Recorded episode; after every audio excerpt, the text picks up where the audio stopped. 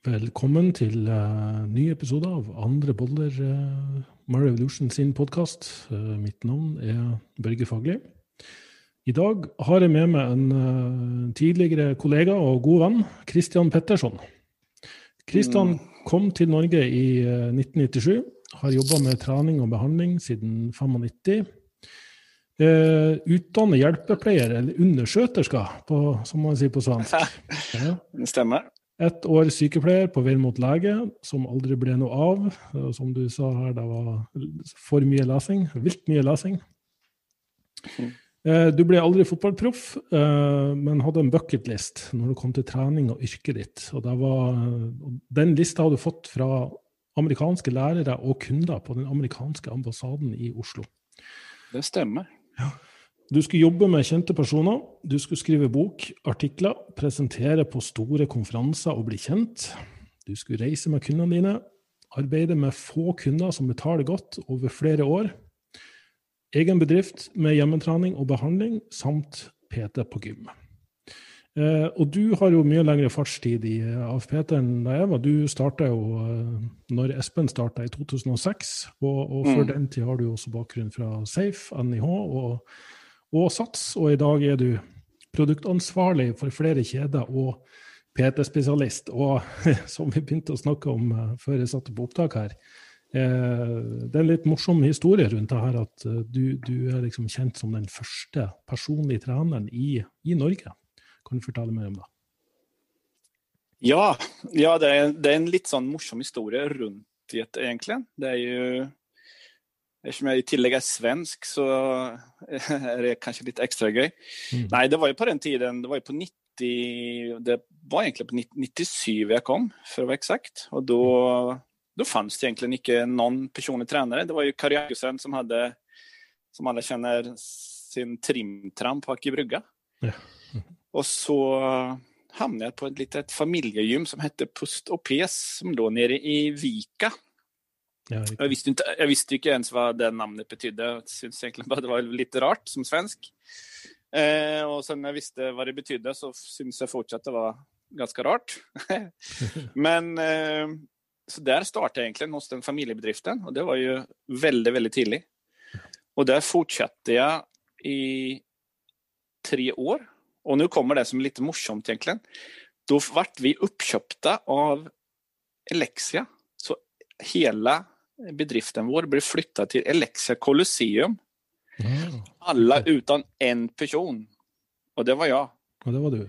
För mm. Elexia ville icke satsa på personlig träning. De hade icke troa på det. Mm. så jag fick icke, eh, för jag fick inte följa med. Ändå fast jag hade, jag hade väl 30-40 kunder tror jag, som jag jobbade med kontinuerligt. Jag hade ganska många timmar då. Men eh, Elexia trodde icke på det. Så då blev jag på något egentligen fri en, det var inte så länge då, det var egentligen till eh, Trond Hansen från Sats.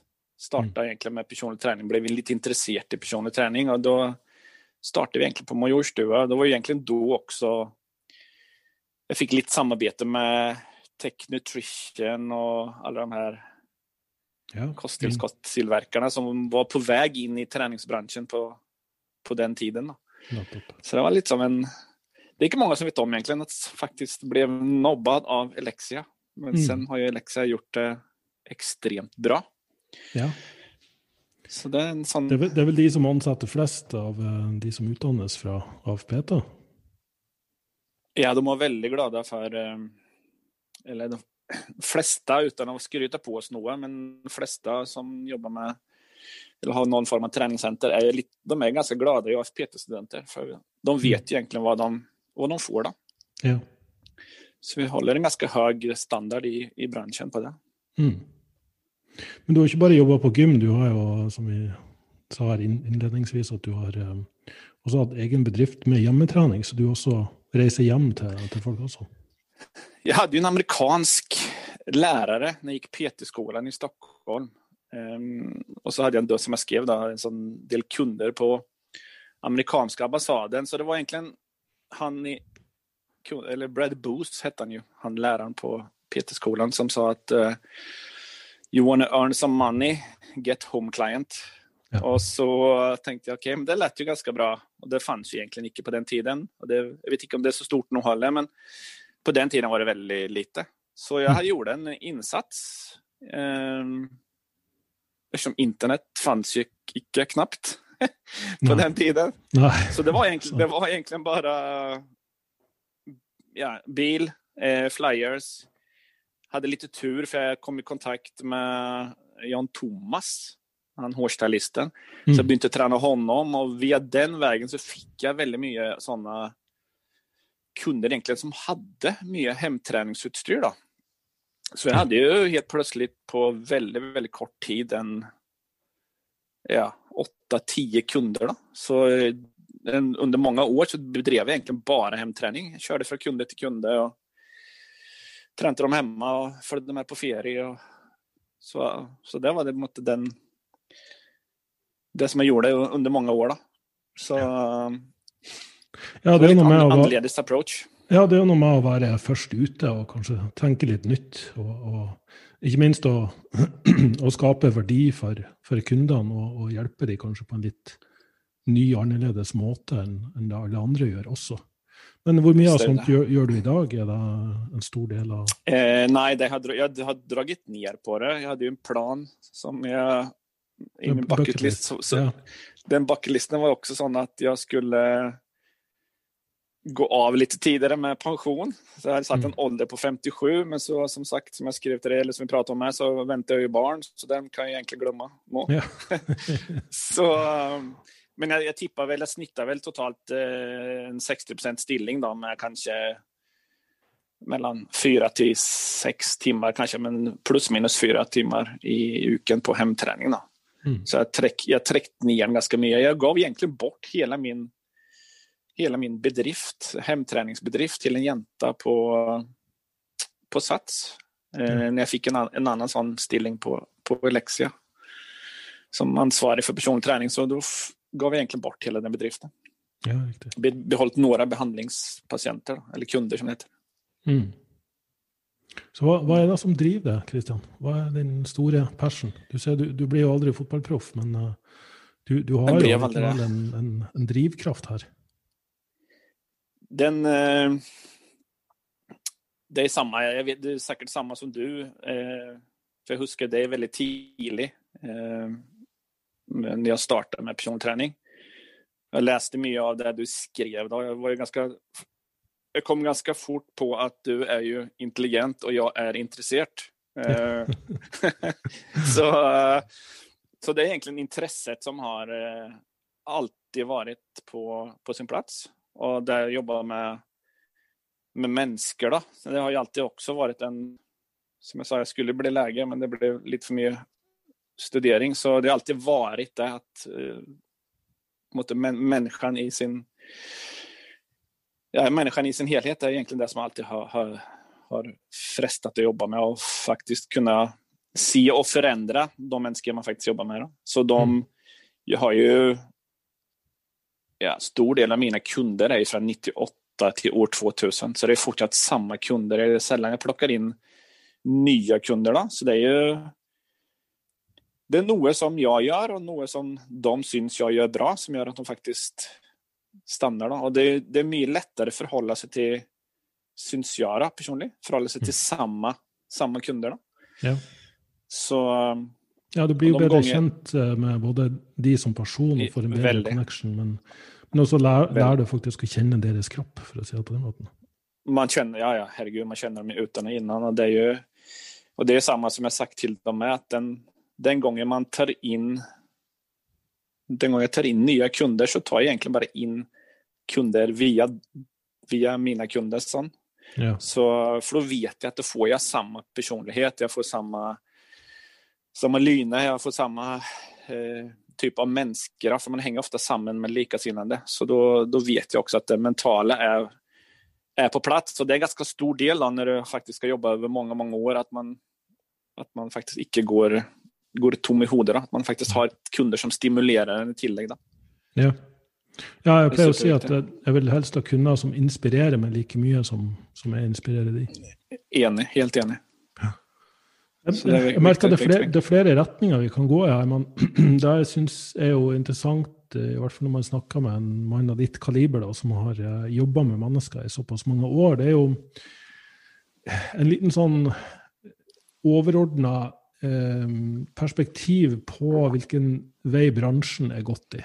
Der enkelte skapes et navn eh, eller blir veldig Eh, offentlige personer pga. sin ekspertise, hvor mye mm. kunnskap de har, hvor mye forskning de sitter på, kan ramse opp studie etter studie, og hvem som gjennomførte mm. studien, og hvor mange prosent den ene gruppa hadde over den andre. Eh, mm. Og så har du jo selvfølgelig et stort spekter, da, men du har jo òg de som faktisk har jobba med enkeltpersoner i såpass mange år at de har en enorm erfaringsbase, har sett trender på mm. hva er det som fungerer, hva er det som ikke fungerer.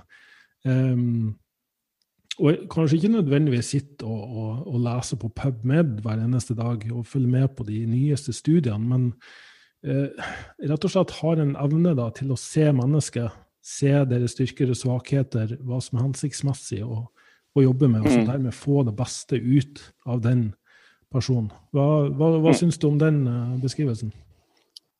Oi, ja, vad ska, vad ska man si? Eh, det var mange spørsmål i, i et langt spørsmål. Eh, Kanskje kort, korta ned litt, men, men, det er i hvert fall min observasjon i forhold til hvem som stikker hodet mest fram i media. Det, det er de som mm. enten er sånn skikkelig fagnerder og, og, gjerne går på andre som ikke er like kompetent som de, og så har du de mm. som er veldig erfaringsbasert og kanskje ikke bruker like mye tid på å holde seg oppdatert på forskning fordi de liksom eh, Ja, eller på sosiale medier for den saks skyld, fordi de, de vet på en måte allerede hva som fungerer, fordi de, har, mm. de, de ser det, de måler det. Mm. Eh, og, og, du kanskje heller vel mer mot den erfaringsbaserte modellen, men, men du virker også høyst oppegående når det gjelder det, det forskningsbaserte. men, men eh, det är, en, det, är en, det, är en, det är en röd tråd det där. För om man tänker, eftersom jag är, så, är ju relativt gammal. Mm. Eh, och jag, på måte, mina kärnvärdier, vad jag syndes man skulle vara som personlig tränare, den har egentligen inte ändrat sig. För dåtidens PT hade ju egentligen bara sitt yrke som varumärke och då och kunskapen står ju alltid då i, i fokus för att, för att lyckas. Men dagens PT är ju kanske, inte kanske svagare på fag, men kanske mindre intresserad på grund av att det finns mycket mer ben att stå på. Och då tänker jag framförallt på sociala medier, då, att man, man har ju väldigt många som lägger ut mycket, mycket tankar och, och som du sa, forskningsrapporter etc. på på just sociala medier. Sen man går in kanske och ser om de har faktiskt kunder i verkligheten så kanske mm. de inte har så mycket kunder i verkligheten. Ja.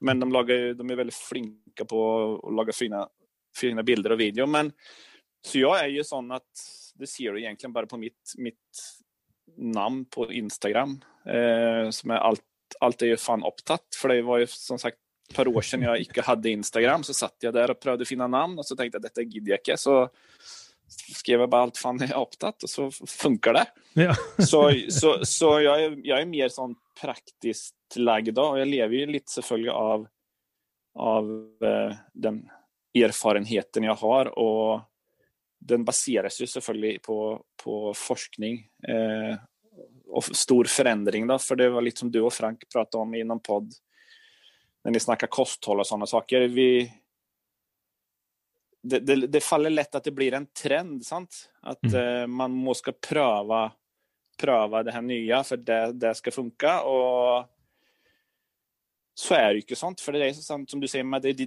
det, är din kropp, det är ditt liv, det är inte en trend. Du kan inte få allt, du måste alltid kompromissa, som, som Frank sa, att han, ja, han får lite han får mer energi då, men kanske inte eh, optimalt om du tänker på muskelbyggning som du var lite inne på. Så, mm. så man alltid göra kompromisser, men det forskningsbaserade må ju alltid, på något alltid vara i, i, i grund och bunn och så får man ju se på, som sagt, min erfarenhet, jag vet ju vad som fungerar. Mm. Eh, men det är inte likt med att jag kopierar allting. För det, det är som du säger, alla människor är ju annorlunda, så jag vet ju vad som fungerar. Sen må jag modifiera det till kunden som jag har framför mig. Och det är ju till varje tid. Sant? För det betyder ju när kunden kommer till, till dig på måndagen så kanske reagerar på ett visst sätt under en övning så kanske den inte alls är lik på torsdagen. Så man må ju hela tiden på måte se anda. Mm. Och sen har du logiken alltså, som, som jag börjar lura på om den existerar. Som, de säger att common sense is not common anymore, men ja. det, det, är lite sån... Man har ju ofta en födelse för om det är riktigt eller icke. Om man har en födelse för något så stämmer det ofta att det, det kanske inte alltid är riktigt. Så det, det, är väldigt mycket logik som jag baserar ting på. Som, och sen en, en annan ting som jag lägger fokus på är lust och glädje att genomföra. Mm. För man vet ju det, även om jag vet att ett kostprogram fungerar eller ett träningsupplägg fungerar, om inte kunden varken liker det kostupplägget eller liker den träningen så är det lite mening för mig att pracka på det. Sant? Jag måste ha, fortsatt ha en grund, grund för den målsättningen vi har, men jag måste alltid modifiera till att faktiskt kunden kunden gör det. Och det är återigen den kompromissen. Alltså det är väldigt mycket kompromisser, men jag har nog på senare år, senaste tio år faktiskt, gjort allting mycket, mycket enklare. Jag huskar ju mm. då när vi startade, då var det väldigt mycket att man skulle ja, man skulle tälla, tälla kalorier ner till mikro och man skulle göra allt möjligt av tester. Och ju mer tester man gjorde, ju mer fel fann jag på kunderna. Sant? Ja. Och ju mindre motiverat blev kunderna att träna. Ja. Så jag har ändrat tankesätt något enormt förhållandevis till, till det. Och mm. Fokuserat lite mer som, som, som du gör, eller som, som jag vet att du är intresserad i. Jag vet ju att sömn som folk inte tänker på. Jag vet att sömn har en kämpe är kämpeviktigt. Jag vet att stress är viktigt. Jag vet att ljus, som jag pratat en del om, förhållandevis till det. Så jag har ju varit jag har ju folk som inte har gardiner på sovrummet och sen lurar de på varför inte ting fungerar.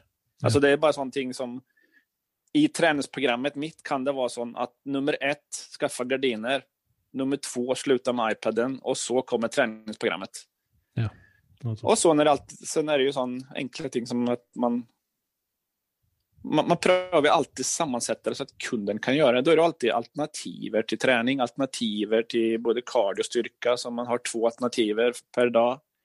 Och sen lite, lite som ko. Så jag är väl mer sån att jag har lärt mig på måte, under årets lopp vad som fungerar och icke fungerar och har fortsatt en, en sån base på den forskningsdelen att den ligger alltid till grund när, när det kommer något nytt och så må man ju alltid relatera det och det är viktigt att tänka på. Man måste alltid relatera den forskningen till det, de kunder man arbetar med. För det är mm. inte alltid lik att den, den eh, fasta fasta uh, forskning du läste kanske inte betyder att den kunden som jag har här, som går på fasta, det kanske ska relateras till honom, men att man kanske gör lite annorlunda. Så det är väldigt mycket sån av erfarenhet att man trixar och mixar och får pröva att finna det bästa ut för, för varje individ. För vi som sagt, vi driver ju med individuell, trä, individuell träning, vilket eh, vi som jag syns vi är lite på väg att mista. Mm. Tenker jeg. Ja, det er litt sånn søken etter det perfekte programmet, det perfekte kostholdet. Og så kanskje miste mm. evnen da, til, å, til, å, se enkeltmennesker. Og det her er jo noe som mm. også kommer med erfaring. Ofte så, så vet du ikke hvorfor du, du får den, det innfallet. da. Du får den tanken om at hm, kanskje vi skal prøve det her. Jeg lurer på mm. om ikke det er lurt å gjøre det her. Mm. Um, og det er jo selvfølgelig en kombinasjon av kunnskap og erfaring som bare mm. bobler mm. til overflaten fra din underbevissthet og, og, gir deg den riktige informasjonen til riktig tid. Mm. Men det er òg interessant det her du sier med at man skal jo faktisk like det man holder på med også. Det er jo det er til og med gjort forskning som viser at de som liker øvelsene, eller liker repsområdene, får mm. bedre mm. effekt av treninga enn de som ikke gjør det. Mm. Og det glemmer man. Ja. För man är, väldigt, man är ju extremt bastant på att detta är, vet jag forskningsmässigt sett, är det bästa för fettförbränningen. Vi mm. vet att eh, intervaller kan vara en god ting. Och sen har du en kund som kanske inte liker eller kanske inte kan springa intervaller. Betyder det att vi inte kan göra det optimalt ändå? Mm. Så man måste hela tiden på måte, som jeg sa, som Frank sa, man må, må hele tiden kompromisse. da. Må hele tiden på måte, Det blir som en, en liten tennismatch. ok, Funker dette? ok, funker, Får jeg det tilbake? Dette funker, dette funker ikke. Så det er hele tiden en, en balansgång og det er det som er det är det som, är så som jag syns är så bra när jag jobbar med kunder över så många, många år. Då. Jag vet ju vad som fungerar när någon kommer till mig och säger du nu ska jag på ferie om två månader, jag vill se lite tynnare ut eller lite bättre ut. Så, så vet jag det, okay, men detta funkar på dig. Men sen, sen så vet vi också att du har blivit lite äldre, så vi kanske må modifiera det lite grann mot det vi gjorde för ett par år sedan. Då. Mm. Så det är hela tiden en sån, eh, sån balansgång. Då. Och därför jag är ju ekstremt lite glad i bastanta ting. da. Ja. Jeg er veldig på måte transparent og liker ganske mye forandring, egentlig. Ja, og det er fort gjort å bli tatt på at man er bastant også. fordi jeg har jo eh, altså jeg, jeg har jo også, som du, da, um, mm. liksom eliminert det ned til uh, noen veldig sånn grunnleggende prinsipper som, som fungerer for de fleste.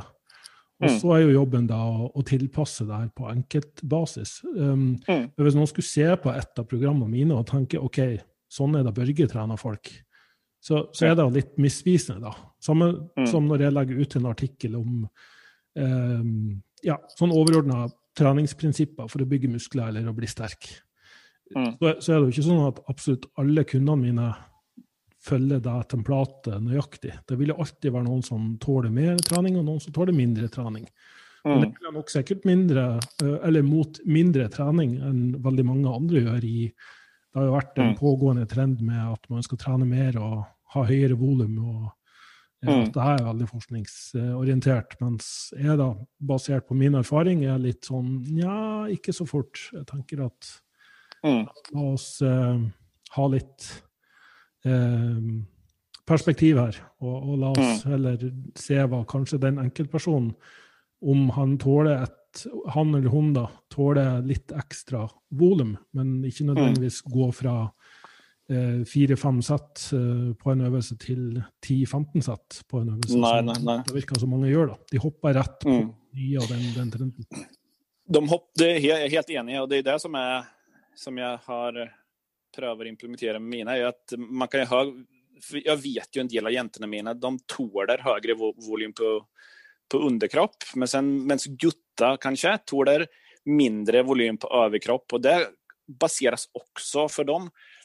Jag vet inte om det är en guttegrej, men de jämför sig ofta själva med, eh, med sig själva när de var ja, rundt 30, altså 2030. Mm. Så du lever, lever, lever, fortsatt kvar i den, den uh, Der er jeg kroppslig. Og sen fast de er nå 50, da, så blir det sånn at du, du klarer ikke samme volym som du hadde på den tiden. Men vi kan gjøre det annerledes, så vi får mindre volym, men vi kan faktisk få bedre til og med kanskje resultater til tider. Uh, og da kan det også være at vi trener faktisk mindre. Som du mm. sa, vi kanske går ner på ett pass i veckan men, men, men effektmässigt sett så blir det bättre på grund av att kroppen din kan återhämta sig. Du tränger den extra vilan eller tränger den extra sömnen eller extra maten eller vad det nu kan vara. Och det är det som jag ser väldigt tydligt att vi vill gärna vara kvar när vi hade den höga volymen, när vi pushar kroppen till, till det yttersta. Och det, det, det, vet jag ju själv, men det är ett gott exempel på det. Jag har ju ont jag har ju prolapser. Mm, det, ja. Du vet du säkert allt om, eh, allt om. lite, lite med det hormonella. Man är ju, man är ju skrutt. Eh, man är liksom skruttet i kroppen. Då. Ja. Och det är ju det som är det är en av mina erfarenheter och samtidigt som man har jobbat med kunderna länge så så känner man ju både kunderna och sig själv utan innan. Man, och man vet det, men det, återigen, det är vanskligt och, och för folk lever ju tron att mer är bättre. Mm. Ja, det gäller både jobb och träning och mm. egentligen vad man, vad man än ska hålla på med. Eh, ska du bygga muskler, så måste du liksom träna mye, masse, masse, masse, og så må du spise masse, mm. masse, masse. I stedet for å ta en mm. mer sånn systematisk eh, tilnærming mm. der du OK, trener litt mer, spiser litt mer, ser hva som skjer. Mm. Og det er jo igjen da, da en, en, personlig trener er i stand til å gjøre og, og, og se det her med et mm. litt mer sånn objektivt, nøytralt blikk. Og så mm. ha en systematisk, progressiv tilnærming til det. Eh, og vi, mm. vi, fikk inn et spørsmål her, for det er interessant hva du sa om når du er liksom 50 pluss. Eh, for, eh, og jeg begynner å nærme 50 sjøl, så jeg kjenner at kroppen begynner å bli eldre. Og ikke minst at den har en lang fartstid med trening. Så, så mm. man har litt vondtere her og der. Um, og at kroppen responderer på en annen måte nå enn hva den gjorde når man var 20. Det, det er jo helt naturlig. Vi fikk inn mm. et spørsmål fra ei som uh, ja, begynte å nærme seg 60 og, og drev med styrkeløft. Og hadde noen høyst imponerende uh, løft. Men hun var litt interessert i det her. Er, det egentlig mulig for, for eldre å bygge muskler og bli sterke, eller skal man på en måte bare akseptere at kroppen er i fritt forfall? Hva, hva, er dine tanker om det? nei, det er bare å akseptere at det er kjørt. Eh, nei, det, det, det finnes jo studier på at vi, vi har en eh, Vi har en eh, mulighet til å utvikle muskelmasse over mye senere år enn 60. Eh, og vi vet jo også at eh, mer muskelmasse hadde sikkert i tillegg eh, kanskje minsket alle onödiga dödsfall i form av kollumfraktur, eller, ja, kollumfrakturer. Då. Mm. Eh, så det är absolut, det är absolut en, eh, en, eh, ett, en möjlighet där. Men jag tror bara att man må ikke være så redd for å forandre. Eh, for noe som, som man ikke kan gjøre noe på, er jo akkurat dette at kroppen måtte blir ikke piggere med åren. Den blir, den, blir, den blir sliten av alt som man har vært igjennom. Så mm. jeg tror man må være ganske åpen på at det, det, kommer funke. Vi kan bygge muskelmasse, men vi må gjøre noen forandringer. Mm. Så det er absolutt ikke, ikke noe negativt i det. Og det som, jeg, det som jeg sier til mine kunder, som, de, som, ofte, alltså som ofte går igjen, det er jo at for de kan si sånn Nei, men nå har samme vekt siste fem årene på knebøy om man ikke fokuserer. Vi har bytt trene knebøy, men vi har samme vekt. Eh, eller vi har samme vekt i benkpressen. Og så sier de det har ikke gått fram noe som helst. Og så sier jeg men det er jo helt feil når du tenker sånn. Du har jo hatt en ekstrem progresjon pga. at kroppen din har blitt fem år eldre. Og med stigende alder så minsker jo till tiden muskelmassa och styrka. Så mm. du har ju fortsatt haft en ganska bra ökning i det. då. Ja. Och, för, för, och det är en sån ting man faktiskt glömmer, säkert hon också som lyfter, som du sa, bra vikter vid en ålder av 60. Om hon ja, kan hålla de vikterna och bara modifiera volymen lite, kanske som du sa, våga spisa mer, kanske våga att ta fri, ta mm. lite ledig, lyssna lite mer på kroppen. Riktigt. Om hon kan behålla de vikterna framöver så har hon en konstant progression, även fast hon blir äldre. Og även fast vekterna er det samme. Ja, og så det med at, For det er vel gjerne sånn at muskler er mer plastisk og tilpasningsdyktige eh, selv mm. om man blir eldre, mens bindevev og ledd er jo det som ofte holder oss igjen. Ja, mm. og Dermed så, så kan det nummer én være en fordel å trene med mer kontrollerte repetisjoner. Mm. Eh, det kan også være en fordel å kanskje ha litt høyere repetisjoner. Mm. Eh, også siden restitusjonsbehovet eh, øker, og det lengre det tar lengre tid å restituere bindevev og, og ledd, så, så da mm. å, å, trene hver muskelgruppe sjeldnere Det har jo i de seneste år På 80-tallet så skulle jo alle trene som bodybuildere, og det var jo hver muskelgruppe én gang i uka, gjerne 20 sett. Og så, ja, og så var det en... Og det funka, det funka, man klarte jo det. Skulle ja, da funka jo det også. Helt ja, ja. Jeg begynte jo veldig tidlig med det, å skulle trene varmuskelgruppe oftere, da. Og spesielt mm. med det frekvensprosjektet sin storhetstid. Um, mm. Når det ble sånn allment kjent hva de norske styrkeløfterne gjorde da. Og, og, da skulle alle trene hver muskelgruppe minst tre-fire ganger i uka, og gjerne opptil seks ganger i uka. Mm. Og nå har pendelen svinga litt sånn tilbake igjen, så nå er vi tilbake på rundt si to ganger i uka. da. Men, men jeg ser jo fremdeles studier som publiserer, som viser, og kanskje da også for den litt eldre generasjonen, at da å trene hver muskel litt, litt sjeldnere uh, mm. kan være like så bra, nettopp fordi du kan ha en konstant progresjon over mange uker, måneder og år, mm. i stedet for at det blir litt som å kjøre bil veldig fort fram til neste lyskryss. da. Mm, det er helt riktig. Ja, så, så heller prøve å få en litt mer sånn smooth progresjon over, over mye lengre tid. Så, mm. så det virker som om mange har veldig mye hastverk. Og da mm. baserer man seg på studier over seks uker og åtte og ti uker, som viser ja. OK, du fikk best progresjon. Du fikk 8% økning på å trene så mye, tre ganger så mye, mm. mm som, ja, ja. som, de som bare fikk 3% økning ved å trene egentlig veldig lite. da. Men så mm. tenker jeg, Gjentar du det her over mange nok måneder og år, så, så kan det kanskje være at de som er litt mer konservative, har den beste mm. langsiktige progresjonen. Det, det, tror jag absolut, och det är ju lite som Espen Arnsen Arntzen har diskuterat med. Alltså For det är ju, Vi ska ju ha samma kropp över, över lång, lång tid. Och det är, jag märker det veldig tydelig. Har en del som är ganska gamla eller som är ganska äldre med, i alla fall, som är upp mot 70-75. det, det, är som du ser då, att muskulaturen är plastisk. Eller, eh, och, och, och sener och bindväv blir ju mycket styvare Mm. Och det betyder att de rörelserna vi kunde göra förr i tiden, vilket var kanske marklyft och knäböj, funkar ikke lenger. Og det er ikke pga. at de ikke har muskulatur, men pga. andre faktorer. Da. Ja. Så da merker jeg veldig tydelig at når jeg satt dem i fokusert mye mer kontrollerede rørelser, om det, uansett om det er benpress eller hva det nå kan være, så, er, så svarer muskulaturen mye, mye bedre. Mm. Og det får fortsatt en, en effekt på, på på ledd og andre strukturer når man gjør en benpress. Så, så, og det er det som egentlig er det viktigste, at jeg faktisk kan bibeholde eh, muskulaturen på, på de eldre kundene mine, enn at de faktisk klarer å gjøre en knebøy. Mm. Ja, ja, så, så, så, den treningen har jo på en måte også blitt litt annerledes. Det merker jeg også selv. Jeg, jeg, jeg gjør ikke knebøy eller marklyft lenger heller. Det er mye, mye mer kontrollerede ting pga. rygg eller pga. andre faktorer. Og det er ja. sånn som, återigen, jeg får fortsatt samme resultat. Da. Det er bare at jeg, jeg, må tenke, og jeg får ikke være redd for å forandre. Mm. Det er ja, det som er så, Det er egentlig samme her. Eh, det er jo mm. fryktelig mange som har den oppfatninga at ja, du må trene knebøy, du må trene markløft, du må trene skulderpress, benkpress. Ja, liksom de, de, klassiske baseløftene.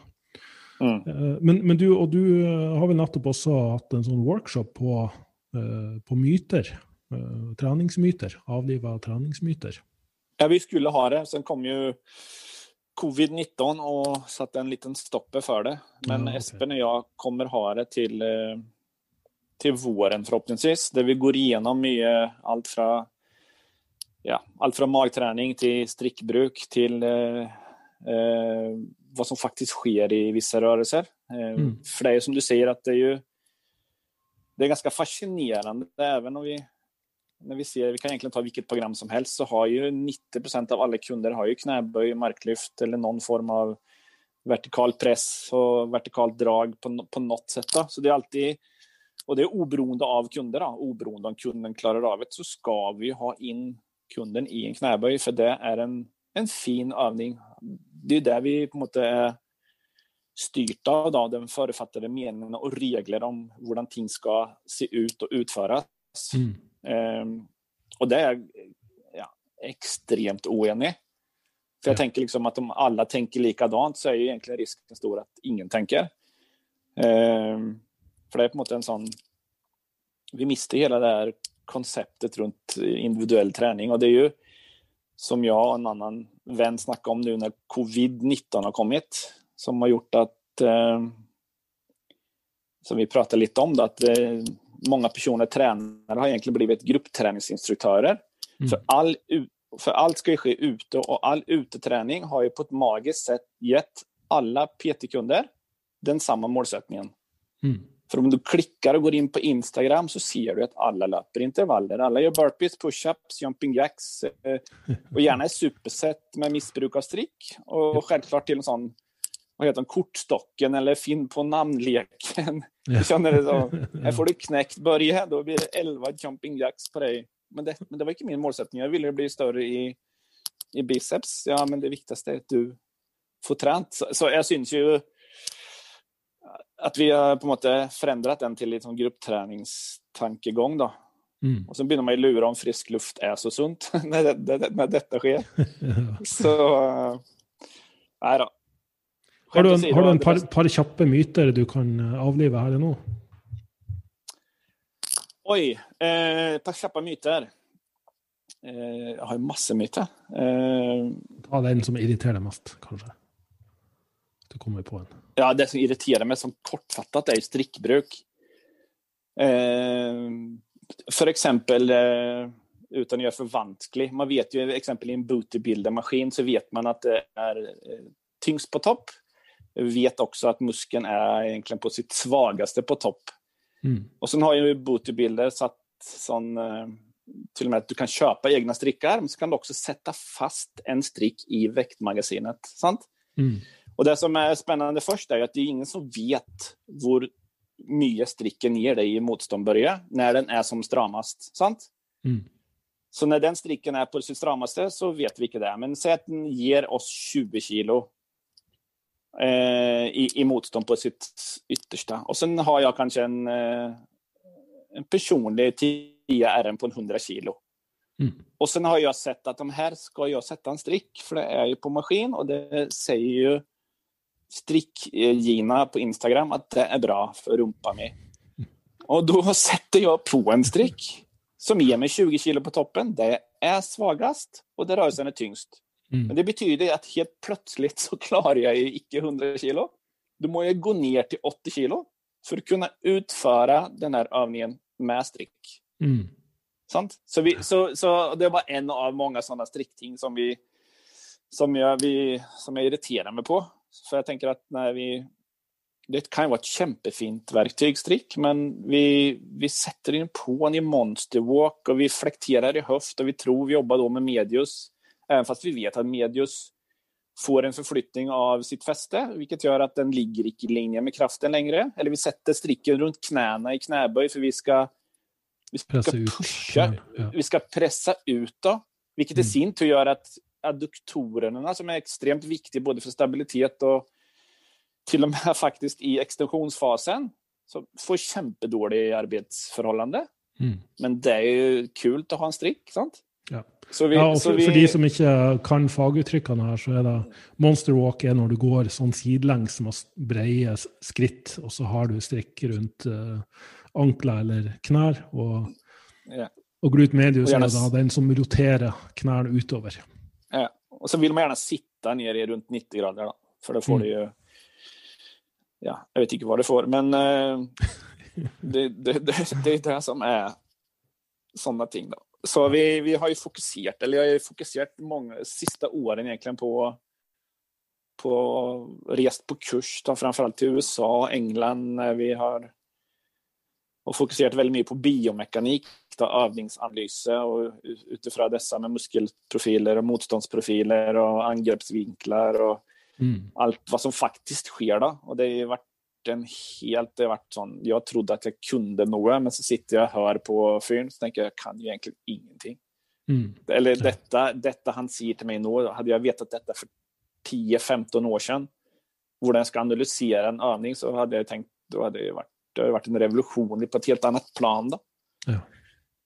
För, det- för det är ju sån, om jag ska betala dig 2000 kronor Börje, så har jag kämpelust att du vet vad du sätter mig på. Icke jättar som vi faktiskt gör i dagens samhälle.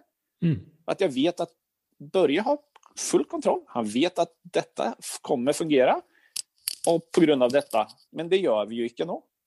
Det är som du sa, när alla gör knäböj eller alla gör, alla gör eh, marklyft eller vad det nu kan göra. Så, så, vet vi ju inte. Och vi vet, Mm. vi kan slå, du och jag kan slå upp vilken bok som helst så säger vi att ja, men knäböj, det är ju kvadriceps som jobbar. Och sen kan vi gå in och analysera en man på två meter lång så ser vi att det finns inte en chans i havet att han får in så mycket kvadriceps. Mm. Så det är det som jag syns är intressant, att vi lägger mycket tid på, på fel ting kanske. För det är som sagt, hade, hade du och jag gått på gymmet och öppnat en bag till en 25-åring så hade vi funnit definitivt kreatin, sant? Vi har definitivt funnit proteinpulver och säkert något, någon form av fatburner eller något, om de har läst något till Juma, kanske något alanin eller någon i den duren, pre-workout. Ja, betalanin. Och framförallt pre-workout. Mm. Och sen går du in och ser på träningsprogrammet så är det ju helt på tur. Ja, faktisk. Det, det, det är det som är, det, det- är det som är lite sån spännande då. Som, Ja. jag, som jag känner att jag blir lite irriterad över. Ja. Nei, men eh, det er ingen som er mer enig enn enn meg.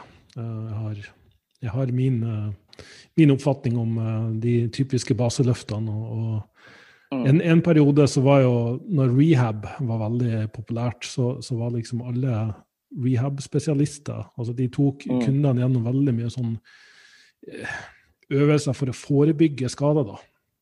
Mm. Som kanskje ikke hadde noe, noe, særlig funksjon eller effekt. Og også, som du sa, at alle skulle testes. og så, FMS. Ja, ja, ikke minst.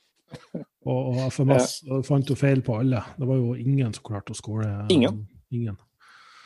Så, så, så vi er, virker i hvert fall som det er et lite sånn paradigmeskifte og mye større forståelse for kroppen som en helhet og, og som en ja. sånn unik eh, biomekanisk organisme. da, som, som mm. Ja. Skal du belaste en muskel, så, så, er jo det egentlig bare et dumt stykke kjøtt som kontraherer seg mellom to, helt, ja, helt, to helt, punkter. Så, ja. så hvor, hvorvidt du altså, Og, og da, da, husker jeg faktisk jeg hadde Jeg tror til og med den personen hører på denne podkasten nå, men under ei AFP-forelesning så mm. sto jeg også hadde nettopp eh, den påstanden om at ja, det er naturlig å, å sette seg på do eller å sette seg ned i en stol. Men det er ikke mm sikkert det er like naturlig å plassere ei stang med 100 kg vekt på nakken når du gjør den samme bevegelsen. Ikke helt.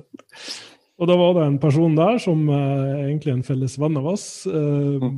som, som sa, var helt uenig i det. Han mente at det var den mest naturlige menneskelige bevegelsen, og det var ingenting som tilsa at det ikke skulle være mulig å, å, å ha masse vekt på ryggen og sette seg ned i en knebøy.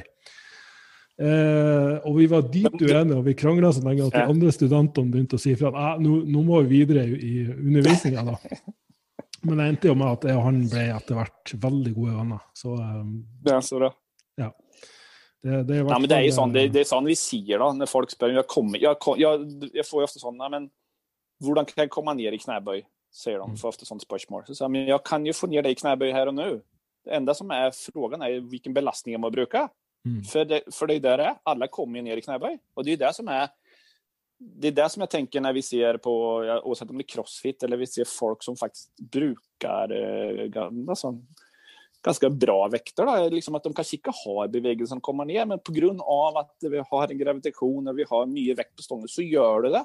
Ja. Och det är akkurat det som vi, eller jag har gjort i tillägg med, att jag har gjort det över många år. Och det är det jag får betala för nu. Ja. Att kroppen säger okej, okay, detta du gjorde då är ju... Du hade inte rörelse, rörelse till det, men mm. du pushar mig in i det och då får du denna nu. Varsågod. Ja. Så nej, den, den, kan vara en hel podcast, uh, Knäberg. Ja, vi får, uh, vi får starta en Knäberg-podkast. Knäberg-podkast. Det är säkert ja. många spörsmål på den. Kan snakke noen, noen sesonger om Knäberg. Ja. Nei, men Kristian, eh, jeg skal ikke oppholde det lenger. Det var i hvert fall veldig interessant å snakke med en såpass erfaren uh, og, og, må også si trivelig uh, fyr, da. Det, det, er veldig, veldig hyggelig, hyggelig, at du kunne være med på. Det var veld, veldig hyggelig å få, få være med, og veldig hyggelig ja. å snakke med deg igjen. Hvor kan, hvor kan, folk finne ut mer om det, eller følge deg i sosiale medier? Du, eh, ja, de har ju den Instagram-tingen som jag ångrar när man är på podd, men den är ju... Allt är ju fan upptatt. Allt är fan eh, upptatt, ja. Ja, upptatt. Men egentligen det är Christian Pettersson. Eh, mac, mac.com. Det är egentligen mailadressen och det är där du kan få kontakt om du, om du önskar uppföljning eller något. Det är egentligen den som jag brukar jag upplever att den andra kanske blir lite sån oseriös. Ja. Men, eh, så det är det som är min mail i alla fall. Och sen är jag på, på Facebook. Ja. AFPT. Så följer på hemsidan till AFPT. Ja, mm. yes, så det är bara att ta kontakt. Da sier jeg tusen takk for det, Kristian, og så ønsker jeg deg en fortsatt uh, fortreffelig dag videre. Like måte, bare. Helse. Ja, hei.